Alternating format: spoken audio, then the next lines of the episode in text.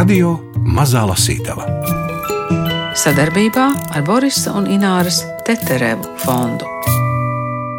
Daglas Marijas pūļa neprāts. Jā, dzimums, rase un identitāte tāds apakšvirsraksts. Jā, un grāmata Nulle kā 2022. gada decembrī iznāca latviešu valodā. Angliski tā ir publicēta 2019. gadā, tad, tad salīdzinoši ātri esam to iztulkojuši. Un gribu arī pateikt, ka tā nav pirmā šī autora, Douglas Marija, grāmata, kas ir iznākusi latviešu valodā, jo pirms vairākiem gadiem izdevniecība apvārsnes izdeva eh, viņa nu, monumentālo darbu, ļoti vērtīgo darbu, kas ar nosaukumu Eiropas lēnā nāve. Douglas Marijas pūļa neprāts. To lasām kopā ar grāmatas literāro redaktoru un portāla Telos galveno redaktori Agnesi Irbi. Izrādes Žižeks un Petersons gadsimta duelis popularitāte jaunajā Rīgas teātrī liecina par intelektuālu diskusiju nepieciešamību arī mūsdienās. Tieši tāpēc intelektuālu spriedumu un argumentācijas dēļ šoreiz izvēlējāmies lasīt pūļa neprātu. Var arī strīdēties, protams. Agnesei Irbē jautā gan Ingvilda Strautmane, gan Gundars Āboliņš. Bet šī ir cita izdevniecība kodoka. Jā, kodoka ir nu, viena IT speciālista un programmētāja Jāzepa Baško projekts, eh, kas ir eh, radīts pirms diviem gadiem. Kodoka ir saīsinājums no konservatīvās domas kartotēka. Jāzeps Baško atgriezies Latvijā no Lielbritānijas. Uh, uzskatīja, ka šeit nu, teiksim, tā klasiska konservatīvā doma, rietumu nu, teiksim, tā, civilizācijas pamatu, viens no pamata virzieniem nav pietiekami pārstāvēts, un izveidoja izdevniecību, kas tulko, izdod un arī izdos oriģinālu pētījumus, kurus ir nu, radījuši cilvēki, kas runā un raksta latviešu. Šī ir viņu, ja nebaldos, piektā vai sestā grāmata divu gadu laikā. Daglas eh, Marijs, eh, jūs jau teicāt, eh, kā pētnieks un sociālo jautājumu, politisko jautājumu jomā, britu žurnālists, pietiekami jauns cilvēks. Ne? Jā, viņam ir 46, laikam, à, nu, tad jau vidusmēra. Ar ko viņš ir iemantojis tādu publikas nu, mīlestību, ja jau reiz tās viņa grāmatas ir daudz tulkotas un um, daudz arī pārdotas. Viņa grāmatas ir, kā tagad mēdz teikt, dišpārdokļi. Daglas Marijs ir um, interesants uh, nu, gadījums visā Britu, uh, nu, teiksim tā, sociālpolitiskajā vidē, jo viņš izdeva savu pirmo grāmatu, kad viņam bija tikai 18 gadi. Tas bija pētījums vēsturē par vienu Viktorijas laika uh, dzēnieku, Un šī grāmata bija ārkārtīgi augstu novērtēta. Es pat neesmu lasījusi, esmu tikai izšķirstījusi.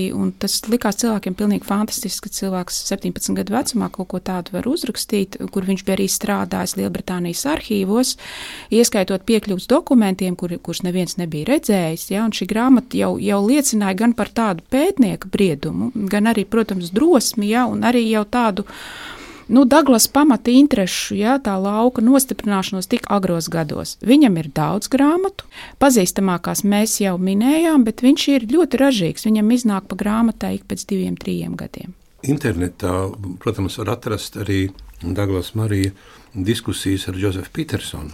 Jā. Jā, nu, ņemot vērā, ka Petersona un Žižeka jaunais Rīgas teātris ir aktualizējis, tad, tad sakiet, ar Petersonu viņam kaut kādās jomās sakrīt viedokļi, vai viņiem ir kaut kādi kardināli pretēji? Jordans Petersons, kas ir kanādiešu psihologs. Un pētnieks nu, darbojās tomēr Junga tradīcijā, un tas ir kaut kas cits. Es šurp nākot arī domāju, kā es Daglas Mariju varētu raksturot. Nu, varbūt var teikt, ka viņš ir nu, viņa pamata intereses tomēr ir um, socioloģija un politoloģija, ja, politiskā doma. Es viņu nosauktu par klasiskā liberālismu domātāju. Tieši britu tradīcijā viņš pats sevi lielā mērā uzskata par uh, Rodžers Skrūtonu skolnieku. Ja, Rodžers Skrūtons, kur, kur darbs arī ir tulkojusi Kodoka. Uh, ir nu, tā, tā, tas, tas galvenais klasiskā liberālisma pārstāvis, un tas zīmīgais ir, ka mūsdienās tas, kas pirms 50 gadiem bija klasiskais liberālisms, tas skaitās konservatīvisms. Jā, tas faktiski ir jau labējais spārns. Jā, tas ir tādā pārmaiņu procesā. Jā. Un, uh, varbūt interesanti ir piebilst, ka Douglas Marijs, kurš šajā grāmatā e, asi kritizē to, ko viņš sauc par LGBT ideoloģiju, un tās arī tādu diezgan nesaudzīgu uzspiešanu publiskai domai, nu, pats sev sauc par geju, viņš ir gejs, viņš saka, ka šī ir viņa privātā dzīve, viņš par to, nu, ar to nenodarbojas, par to nerunā publiski, viņš uzskata, ka ir svarīgāki jautājumi, par ko runāt, un viens no tiem arī būtu, jā, tas, ko viņš sauc LGBT ideoloģijas, nu, tā īstā vieta, vieta ja, publiskajā telpā, kas viņaprāt ir šobrīd pārāk uzsvērta un nozīmīga. Laiks atvērt Douglasa Marija grāmatu Pūļa neprāts. Par pakļaušanos pūļa neprātam skrienot kādā virzienā un nejautājot, uz kurieni un kāpēc, būs mazliet vēlāk. Tagad ievads. Grāmatā ir tādas četras lielākas nodaļas - geji, sievietes, rase un transseksuāļi. Ievads. Mēs dzīvojam visaptverošas masu psihozes laikmetā. Publiski un privāti, internetā un klātienē cilvēku uzvedība kļūst aizvien iracionālāka un histēriskāka, pakļauta bara instinktiem vai vienkārši neciešama.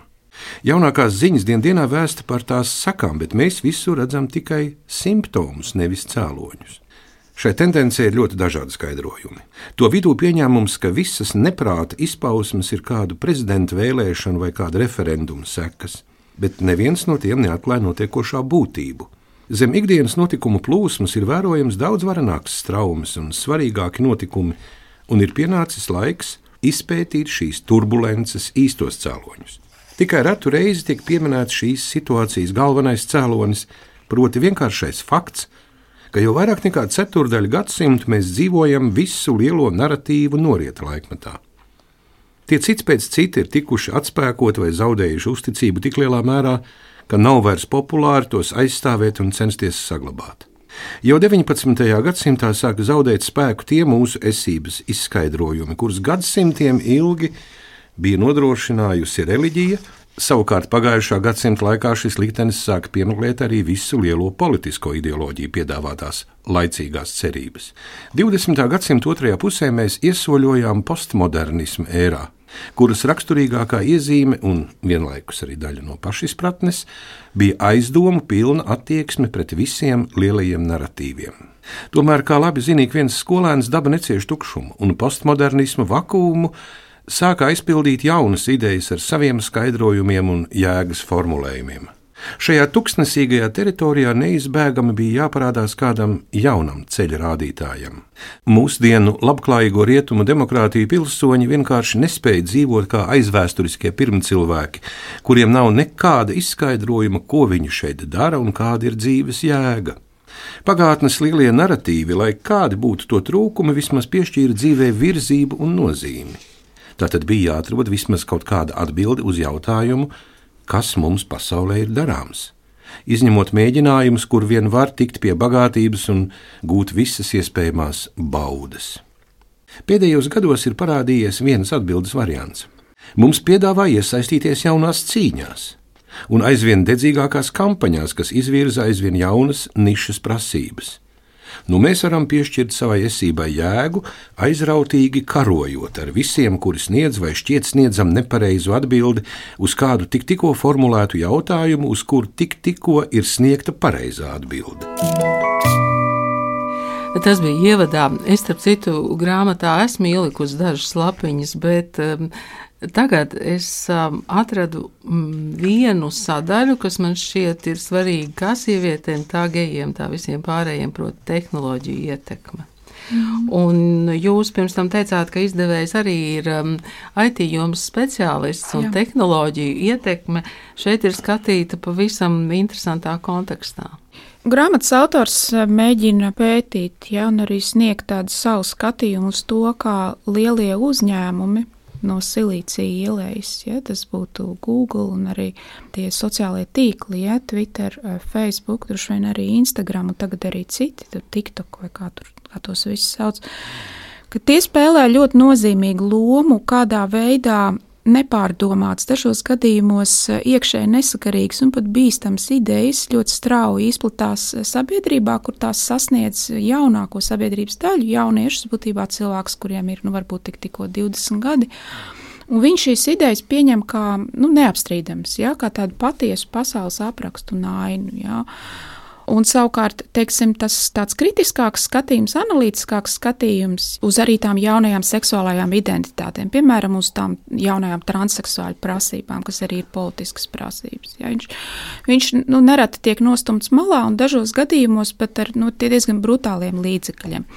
Man liekas, ka Marijam izdodas ļoti labi parādīt, kā silīcija ielējas tie lielie uzņēmumi visā šajā kultūras cīņā, varētu teikt, nekādā ziņā nav bijuši neitrāli, lai gan varētu no viņiem to sagaidīt, nu, ka viņi cenšas tā kā palikt pa vidu un ļaut eh, demokrātiskajai globalizētajai sabiedrībai nu, debatēt brīvi par šiem jautājumiem. Jā. Viņš sniedz daudzus piemērus, kā nu, tiek ievirzīta tā doma, ja tiek ievirzīta uz pareizo virzienu, nu, pēdiņās pareizo virzienu, un viņuprāt, tas ir bīstami, pret tam, tam vajag runāt pretī.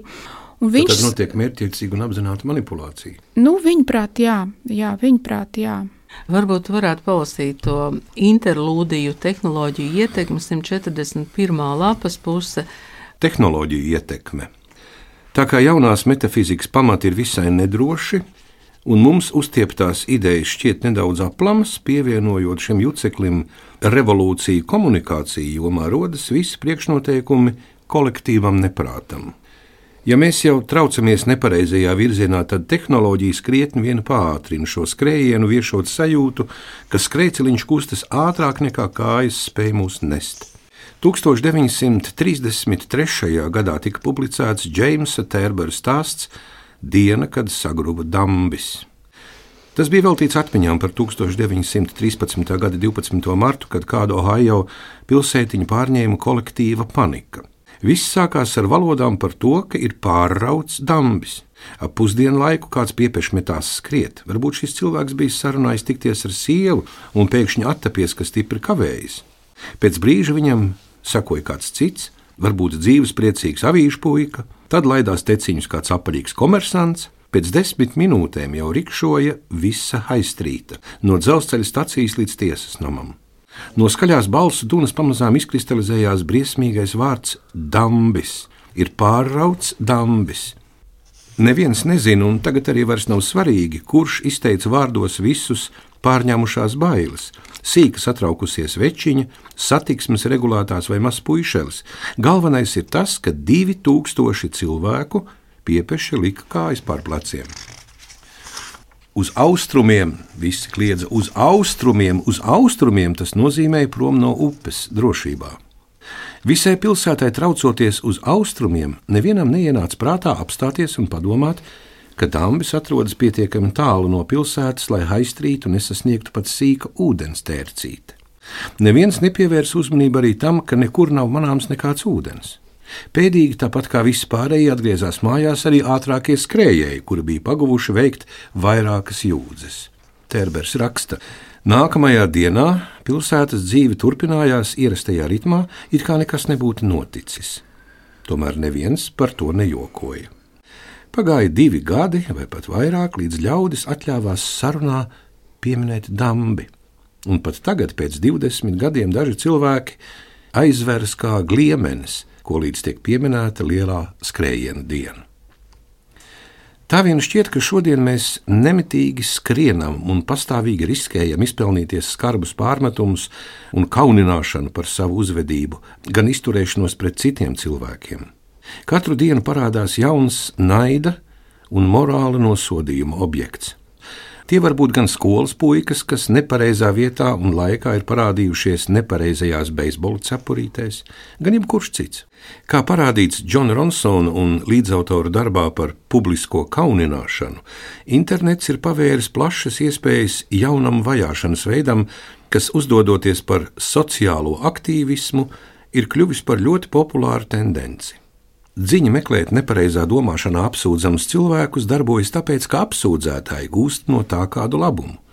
Sociālie mēdīji veicina šo tendenci, jo tā piedaras pie šo uzņēmumu biznesa modeļa, bet stihiskā skrējiena dalībnieki ļoti reti, ja vispār, mēģina noskaidrot, kāpēc viņi skrien un kāpēc tieši šajā virzienā.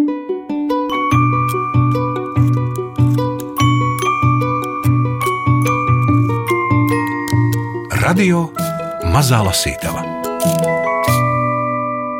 Jā, es domāju, ka tā bija tāda tēlaina metāfora par to, kā mm, pūlis ir manipulējams un kā mēs paši arī tajā piedalāmies.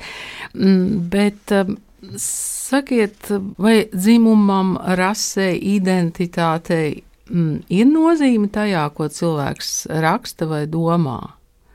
Nu, vai mums ir, piemēram, svarīgi zināt, ka Douglas Marijs ir gejs? Vai tam nav nozīmes? Redziet, pat tieši par to ir arī nu, tā grāmata. Ja? Nu, viens no rietumu tādām firmas zīmēm, ja, par kura pakāpenisku izzušanu pats Douglas Marijs arī uztraucas, ir, ka nu, ir mēģināts rietums būvēt uz meritokrātijas pamatiem. Ja. Nu, ka, pro, kas ir jā, nu, mer, nu, meritokrātijas pamats jau ir senajā Grieķijas demokrātijā. Ja, kā vienalga, tu esi resns vai tievs, bagāts vai nabaks, no tādas labas ģimenes vai nosacītas sliktas ģimenes. Nu, ja tev ir tas sakāms, nāc priekšā, uzklausīsim to, ko tu runā. Ja. Tas bija tas, tas viens no grieķu demokrātijas principiem. Ja? Un tad tālāk kristietība ārkārtīgi arī veicināja, ja, ka, teiksim, taču klosteros varēja iestāties, ja cilvēki, ja nodot šos svētsolījumus neatkarīgi no, no kādām ģimenēm viņi ir, ja, arī neatkarīgi no dzimuma, ja. Tas ir viena no mūsu firmas zīmēm. Ja? Mums vienmēr bijuši kaut kāda aizmetņa, protams, aristokrātijai un dažādām šķirām, bet mēs esam cīnījušies pretī. Nu, mūsu tā visa inteliģence vienmēr ir cīnījusies pret to. Ja, mēs, mums liekas, ka darbu, darbu nu, teiksim, par priekšnieku ir jākļūst tam, kurš vislabāk var vadīt. Ja. Vajag izdot to cilvēku grāmatas, kur vislabāk raksta. Nevis tāpēc, ka viņi ir tur sievietes vai gēji, vai tagad viņiem ir kaut kāda apspiestā identitāte. Un par to Douglas Marijs nu, arī uztraucas, ja, ka šie meritokratīzes principi pakāpeniski tiek iedragāti ar tādām savu veidu jaunām kvotu sistēmām, pa kur viņš arī veselu nodaļu velti tam, ja, ka uzņēmumos ir tāda tā dažādības un iekļaušanas tāds departamenti, kas principā saka, jā, nu tur jābūt 50% sievietēm, un tad tur vajag tur 10% jābūt gejiem vai lesbietiem, tad arī citās zemēs, nu, kur ir tie melnādainie vai, vai, vai citas rases cilvēki, tad viņiem arī jābūt proporcionāli, ja. Un tas iedragā to principu, ka mēs neskatāmies jau uz to cilvēku, nu, teiksim, tām nemaināmajām pazīmēm. Jā, dzimums ir viens no tiem, bet, teiksim, spriežam tikai konkursu kārtībā par viņa spējām. Un tādā ziņā, kāpēc es pieminēju to, ka Douglas Marijs ir gejs? Es domāju, nu, tas varētu būt interesanti tiem cilvēkiem, kuri varbūt uzzinot, ka grāmatā ir nodaļa par gejiem, ka grāmatas autors ir labējās pārnu domātājs, viņš sauc sevi par konservatīvu, viņi vispār nevēlēsies grāmatu lasīt, jo viņi neinteresē, ko, ko nu, kāds kurš kritizē. Ja. Bet viņš saka, jā, es esmu gejs, tā ir mana personīgā darīšana, es tam nav nekāda nozīme, ja, bet es gribu kritizēt to, kā manā vārdā organizācijas runā, un ka es nepiekrītu šīm nostādnēm. Man, protams, interesēja nodaļa par sievietēm. Jā. E, jo sieviešu loma un sieviešu kvotas arī ir e, diezgan dīvainas, bet e, sievietes uzrota piedurknes, lūdzu, 110. lapuse. Bija jāpaiet 110 lapusēm, lai sievietes uzrotītu piedurknes. Mm -hmm. Faktiski jau vairāk. Sievietes uzrota piedurknes. Ir jauka diena, un kādā dārgā Londonas viesnīcā Temzas dienvidu krastā pulcējas vairāk nekā 400 izcilu sieviešu. Jāpiebilst, ka šis apzīmējums attiecināms uz viņām ikvienā iespējamā nozīmē. Viņas visas ir savu nozaru augstākā līmeņa biznesa vadītājas. Turklāt ik reizi, kad pa durvīm ienāk kārtējā pasākuma dalībniece, rodas iespējas, ka tas ir savdabīgs modes šovs. Augstpapēžu kurpes, plīvojošas šallītes, starptautiskās biznesa elites standarti, neviena no viņām neatpaliek no pārējām. Un jau no paša sākuma kļūst skaidrs, ka viņas vieno ne tikai nodarbošanās un dreskots. Konferenci Sievietes uzrota piedurknes organizēja izdevums The Daily Telegraph, un tās galveno sponsoru vidū bija banka NatWest un telekomunikācija tīkls BT. Pēc sieviešu jautājumu un līdztiesības ministres ievadrunas sākās paneļdiskusija Darbam jāsāk strādāt sieviešu labā. Zālē sēž daudzas pazīstamas un panākumiem bagātas uzņēmējas un dažas no valsts slavenākajām televīzijas personībām. Notiek saruna pie kamīna starp NatVest projektu vadītāju un pirmo sievieti parlamenta ceremoniālajā sēžu pārrauga amatā. Seko paneļdiskusijas par citiem jautājumiem. Kādi ir īstie šķēršļi sieviešu ceļā uz panākumiem? Likvidēt plaisu starp dzimumiem, vai sievietes ir neizdevīgā stāvoklī vīriešu vadītajā investīciju jomā? Ir arī cilvēces vīrišķajai daļai veltīts diskusijas, piemēram, mentū vīrieši kā nozīmīgi sieviešu sabiedrotie. Tā kā konference paredzēta sievietēm un zālē ir tikai daži vīrieši, tai ir izteikta sievišķa ievirze, un lielākā daļa diskusiju ir veltītas strādājošu sieviešu problēmām, arī bērnu aprūpei. Tomēr zālē ir arī skaidri jaušams apspiesto vienotības gars. Lai izpelnītos atzinīgus galvas mājienus vai aplausus, pietiek uzsvērt, cik ļoti mums ir vajadzīgas pašapziņīgas sievietes Labākais paņēmiens, kā izraisīt nosodošu murdoņu, ir pastāstīt par kāda alfa tēviņa nepieņemamo uzvedību, kas ietver arī tendenci gūt virsroku ar pārmērīgu runāšanu. Šķiet, visas klātesošās dāmas vienprātīgi atzīst, ka ir vajadzīgas ne tikai pašapziņīgas sievietes, bet arī mazāk pašapziņīgi vīrieši. Ir kā šādi abi dzimumi ar laiku varētu sastapties kaut kur pa vidu. Klātesošo atbalsts ir garantēts arī tad, ja runātāji piemin savas bažas, satraukumu vai tā dēvēto viltvāržas sindromu. Kāda impozanta, gudra un skaista jaunu uzņēmumu vadītāja sāk savu runu ar atzīšanos, ka ir ļoti uztraukusies un jūtas gandrīz kā nepiederīga persona starp šīm izcilajām panākumiem bagātajām sievietēm. Dāmas sirsnīgi aplaudē un slavē viņas drosmi, sievietēm jābūt pašapziņīgām. Tomēr izskatās, ka citu sieviešu labvēlību var it viegli iekarot, ja izrāda tieši pašapziņas trūkumu. Tā it kā jūs baidītos, ka citas sievietes jūs nošaus. Kad pienāk jautājumu un atbildžu kārta, kāda dalībniece iesniedz jautājumu, vai zālē ir vēl kādas sievietes, kurām lielākās problēmas darbā patiesībā ir sagādājušas tieši sievietes. Jautātājs saglabā anonimitāti. Kā viens no nedaudzajiem vīriešu kārtas viesiem piedalos diskusijā par tematu, vai sieviešu virzīšanas prioritāte neļauj izvirzīties vīriešiem. Diskusijā ar The Daily Telegraph žurnālistu vadībā piedalās arī apakšnām loceklis un parlamenta sieviešu atbalsta grupas vadītājs Kreigs Treisijs, The Daily Telegraph personāla daļas vadītāja un bankas eh, JP Morgan menedžeri, kuras pārziņā ir stratēģija darbā ar klientiem. Zālē valda gandrīz visām publiskajām diskusijām raksturīga vienprātība, kas tā vien prasās pēc neliela izaicinājuma. Visvairāk pārsteidz virkne neskaidrību saistībā ar jēdzienu vara. Visu iepriekšējo diskusiju pamatā bija pieņēmums, ka gandrīz visas attiecības darba vietās un citur ir saistītas ar varas izpausmēm. Apzināti vai ne, bet visas šīs sievietes ir pilnīgi pieņēmušas Foucault skatījumu, kurš uzlūko cilvēku attiecības tikai un vienīgi caur varas prizmu.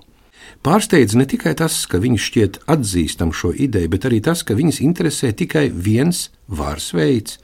Tā ir vara, kas, kā pieņemts uzskatīt, vēsturiski piederējis pārsvarā padzīvojušiem un bagātiem baltajiem vīriešiem. Tieši tāpēc visiem tā patīk joki un sašutums par alfa tēviņu uzvedību.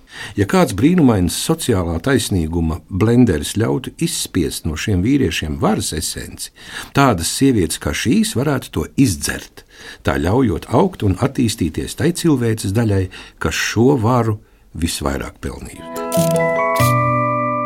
Atkal tāda ļoti tēlaina aina, bet galu galā, kā no tā pūļa neprāta ir iespējams izvairīties?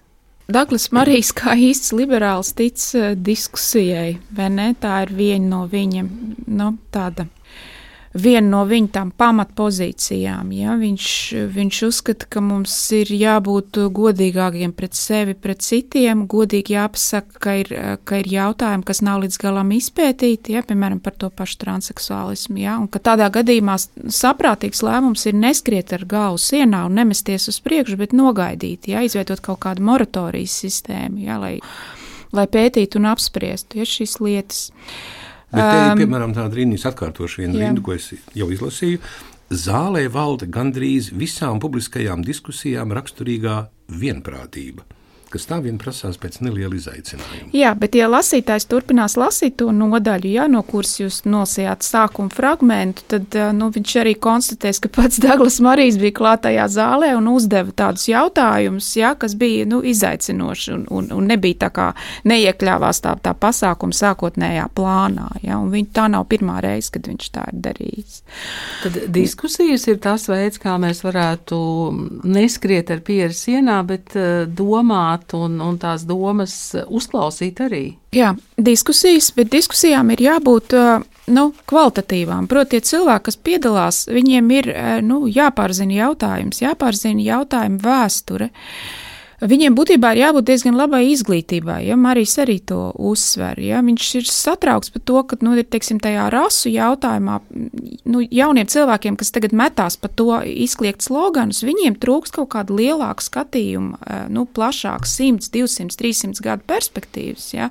uz to visu, kas ir noticis, tiem dažādiem strāvojumiem, kas ir bijis, ja? uz visādiem nu, teiksim, tā, pasākumiem un darbiem, kas jau ir veikti. Ja? Viņi, Izglītības trūkums, nu, vai tāda nepilnīga izglītība rada tādu sajūtu, ka mēs tagad esam tikko piedzimuši tukšā laukā, ja, un šeit tagad cīnāmies katrs par savu izdzīvošanu, bet tā nav, ja, viņš bieži lieto arī to jēdzienu rietumu civilizāciju, nu, tā ir vairāk kā 2000 gadu.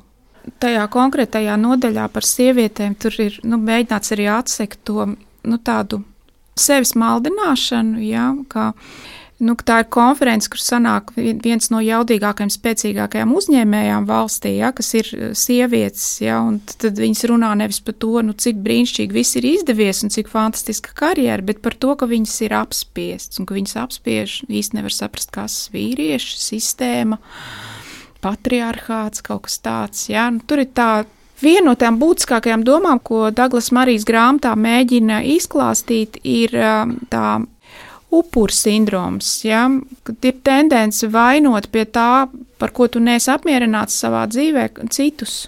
E, nevis sevi, ja, vai arī varbūt kaut kādas nejaušības vai apstākļus, bet konkrēti kaut kādus citus cilvēkus, kas ir tā kā tā vienaidnieki un kur mērķis ir, nu, tevi tā kā saglabāt tajā it kā apspiestības uh, stāvoklī. Un tāpēc arī citā tā nolasītais Mišela Foucault, tas, nu, viņa darbi, ja, viņš šos darbus arī Marijas Asa kritizē, tāpēc, ka uh, Mišels Fuko, franču filozofs, viņš tā izveidoja to paradigmu, ka mēs vispār par visām attiecībām, par vispār sabiedrības funkcionēšanu domājam tikai varas kategorijās, ja, kurš apspiež, kurš tiek apspiests, ja, kurš cīnās pretī, kurš zaudē, kurš uzvar. Ja, gan īstenībā tur darbojas daudz citu faktoru. Ja nu cilvēki nav apspiesti, tā vietā, lai visur meklētu un saskatītu apspiešanu, mēs varbūt varētu rast izēju no šī labirinta, ja saprastu, ka dažas pēdiņās upuru grupas nebūtu nav apspiestas un reizēm pat bauda zināmas priekšrocības. Piemēram, pētījumos ir noskaidrots, ka geji un lesbietes vidēji nopelna vairāk nekā to heteroseksuālie kolēģi. Tam varētu būt vairāk cēloņi, arī tas, ka vairumam šo cilvēku nav bērnu, un viņi var atvēlēt darbam vairāk laika, kas nāk par labu gan viņiem pašiem, gan darba devējiem. Vai tā ir homoseksuāla priekšrocība? Kad tiks sasniegts kritiskais punkts, kurā heteroseksuāļi varēs celt iebildumus pret negodīgu situāciju darba vietās, vai gejiem būtu jāpaiet malā, ļaujot saviem kolēģiem labāk izmantot karjeras iespējas? Pēdējos gados par efektīvu ieroci regulāri tiek padarīta dažādu rasu pārstāvju algu atšķirība. Lai gan bieži tiek minēts, ka latīņamerikāņi vidēji nopelna mazāk nekā afroamerikāņi, bet afroamerikāņi mazāk nekā baltie nekad netiek pieminēta tā grupa, kas nopelna visvairāk par visām pārējām. Amerikā dzīvojošo aziātu vidējie ienākumi ir krietni lielāki nekā jebkurai citai grupai, arī baltādainajiem amerikāņiem. Vai šī atšķirība būtu jāreducē, samazinot aziātu algas? Varbūt prātīgāk būtu atbrīvoties no šīs mānijas, vērtējot cilvēkus individuāli pēc to spējām un neuzspiežot visiem uzņēmumiem un iestādēm kvotu sistēmu. Jā, nu mēs atgriežamies atkal pie šī jautājuma par kvotām, par rasēm un par dzimumiem. Vai um, autors pietiekami daudz jautā? Viņš dod arī tādas nepārsūdzamas atbildes, jeb tomēr uh, dod uh, tādas uh, versijas. Viņš dod versijas. Viņš dod versijas, viņam ir uh, sava vīzija par to, kāda ir cēloņi šim uh, šim viņu, viņa prāta masu neprātam, ja, tā, ko viņš sauc par jauno sociālā taisnīguma reliģiju. Viņš lieto arī vārdu reliģija, ja, kas pārņēmusi daudz cilvēku prātus. Bet ir redzams tās versijas. Ja? Tā viena versija ir, ka sociālā taisnīguma kustība izaug no marksisma, tam pārveidojoties un pametot to 19. gadsimta akcentu uz šķiras un proletariāta atbrīvošanu, ja? un tagad pārnesoties it kā uz seksuālo minoritāšu atbrīvošanu ja? un kaut kādu citu minoritāro grupu. Tā kā pasludinot, ka viņas ir apspiestas, viņas apspiež visu sistēmu, un viss pie tā ir vainīgi. Tā ir, tā ir viena versija. Cita versija varētu būt arī, man šķiet, tur bija ieskicēta, ja, kā rietumos ir šobrīd eh, humanitāro zinātņu un vispār universitāšu beidzēju pārprodukcija. Ja, cilvēki, kas iegūst maģistra grādus, kas ir doktorantūra, iegūst doktora grādus, ir ļoti daudz, visiem nepietiks darba. Nu, visiem nebūs tā alga, visi nebūs nesaņems vai ne to profesoru. Ja, un, Un ka kaut kur visā šajā ir arī nu, tāds cīņa par tiem resursiem, ja? nu, cīņa par to, kurš pārliecinās, ka tieši viņam ir jāiegūst, ja? tas pasniedzējā amats ja? vai kaut kāds tāds sabiedriskā darbinieka amats. Ja? Tā šīs ideoloģijas sadursme ja, ir, ir, ir viens no tiem ieročiem. Ja, jo tu mēģini pierādīt, ka tā vecā paudze, ja tur kaut kāds viduslaika vēstures pasniedznieks, kurš ir kaut kādu transfobisku izteikumu izteicis, ja, viņu jādabūna ārā no universitātes, jo viņš tā kā vairs nav derīgs tai jaunai realitātei. Ja. Tā vietā ir jānāk kādam citam, kurš tad var pasniegt ja, dzimtas ideoloģijas vai kaut ko tamlīdzīgu. Te ir noslēgumā vēl tāda nodaļa - dzīves depolitizācija apakšnodaļa. Šķiet, ka identitātes politikas mērķis ir politizēt pilnīgi visas dzīves jomas. Šķiet, ka tās adepti vēlas mums iegalvot, ka ik vienas cilvēku rīcības un attiecību pamatā ir politiski motīvi, un politizēt ik vienu cilvēku saskarsmes veidu. Aicinājumi veltīt visu laiku tam, lai meklētu savu un citu vietu diskriminācijas hierarhijā rosina ne tikai nodoties nebeidzamai pašanalīzei, bet arī pārvērst jebkuras cilvēciskas attiecības par politisko spēku kalibrāciju. Jaunā metafizika aicina rast jēgu šajā spēlē, cīnīties, organizēt kampaņas un veidot alianses, lai pēdīgi nokļūtu apsolītajā zemē. Laikmatā, kuram trūkst noteikta mērķa un jēgas, šis aicinājums visu politizēt, un tad par to cīnīties ir neapšaubāmi pievilcīgs, jo piešķir dzīvē vismaz kaut kādu nozīmi. Taču no visām iespējām piešķirt dzīvē jēgu politika, vēl jau vairāk šādā mērogā, ir viena no grūtākajām jomām. Politika ir nozīmīgs mūsu dzīves aspekts, bet pilnīgi nekam nedara kā dzīves jēgas avots. Ne tikai tāpēc, ka politiskas ambīcijas gandrīz nekad netiek īstenotas, bet arī tāpēc, ka visu sagandē niknums un citas kaislības. Ja diviem cilvēkiem ir domstarpības kādā svarīgā jautājumā, konflikts var būt daudz maz miermīlīgs, ja viņu vienīgais mērķis ir noskaidrot patiesību vai rast optimālu risinājumu. Bet, ja viena puse saskata kādā šī konflikta aspektā savas dzīves jēgu, nav gandrīz nekādu cerību rast miermīlīgu risinājumu un noskaidrot patiesību. Britu publicista un pētnieka Douglasa Marija grāmatu Pūļa neprāts izdevusi Kodoka, no angļu valodas tulkojusi Karina Tilberga. Par grāmatu stāstītās literārā redaktore Agnese Irbe. Radio Mazā Lasītava Sadarbībā ar Borisa un Ināras Teterevu fondu.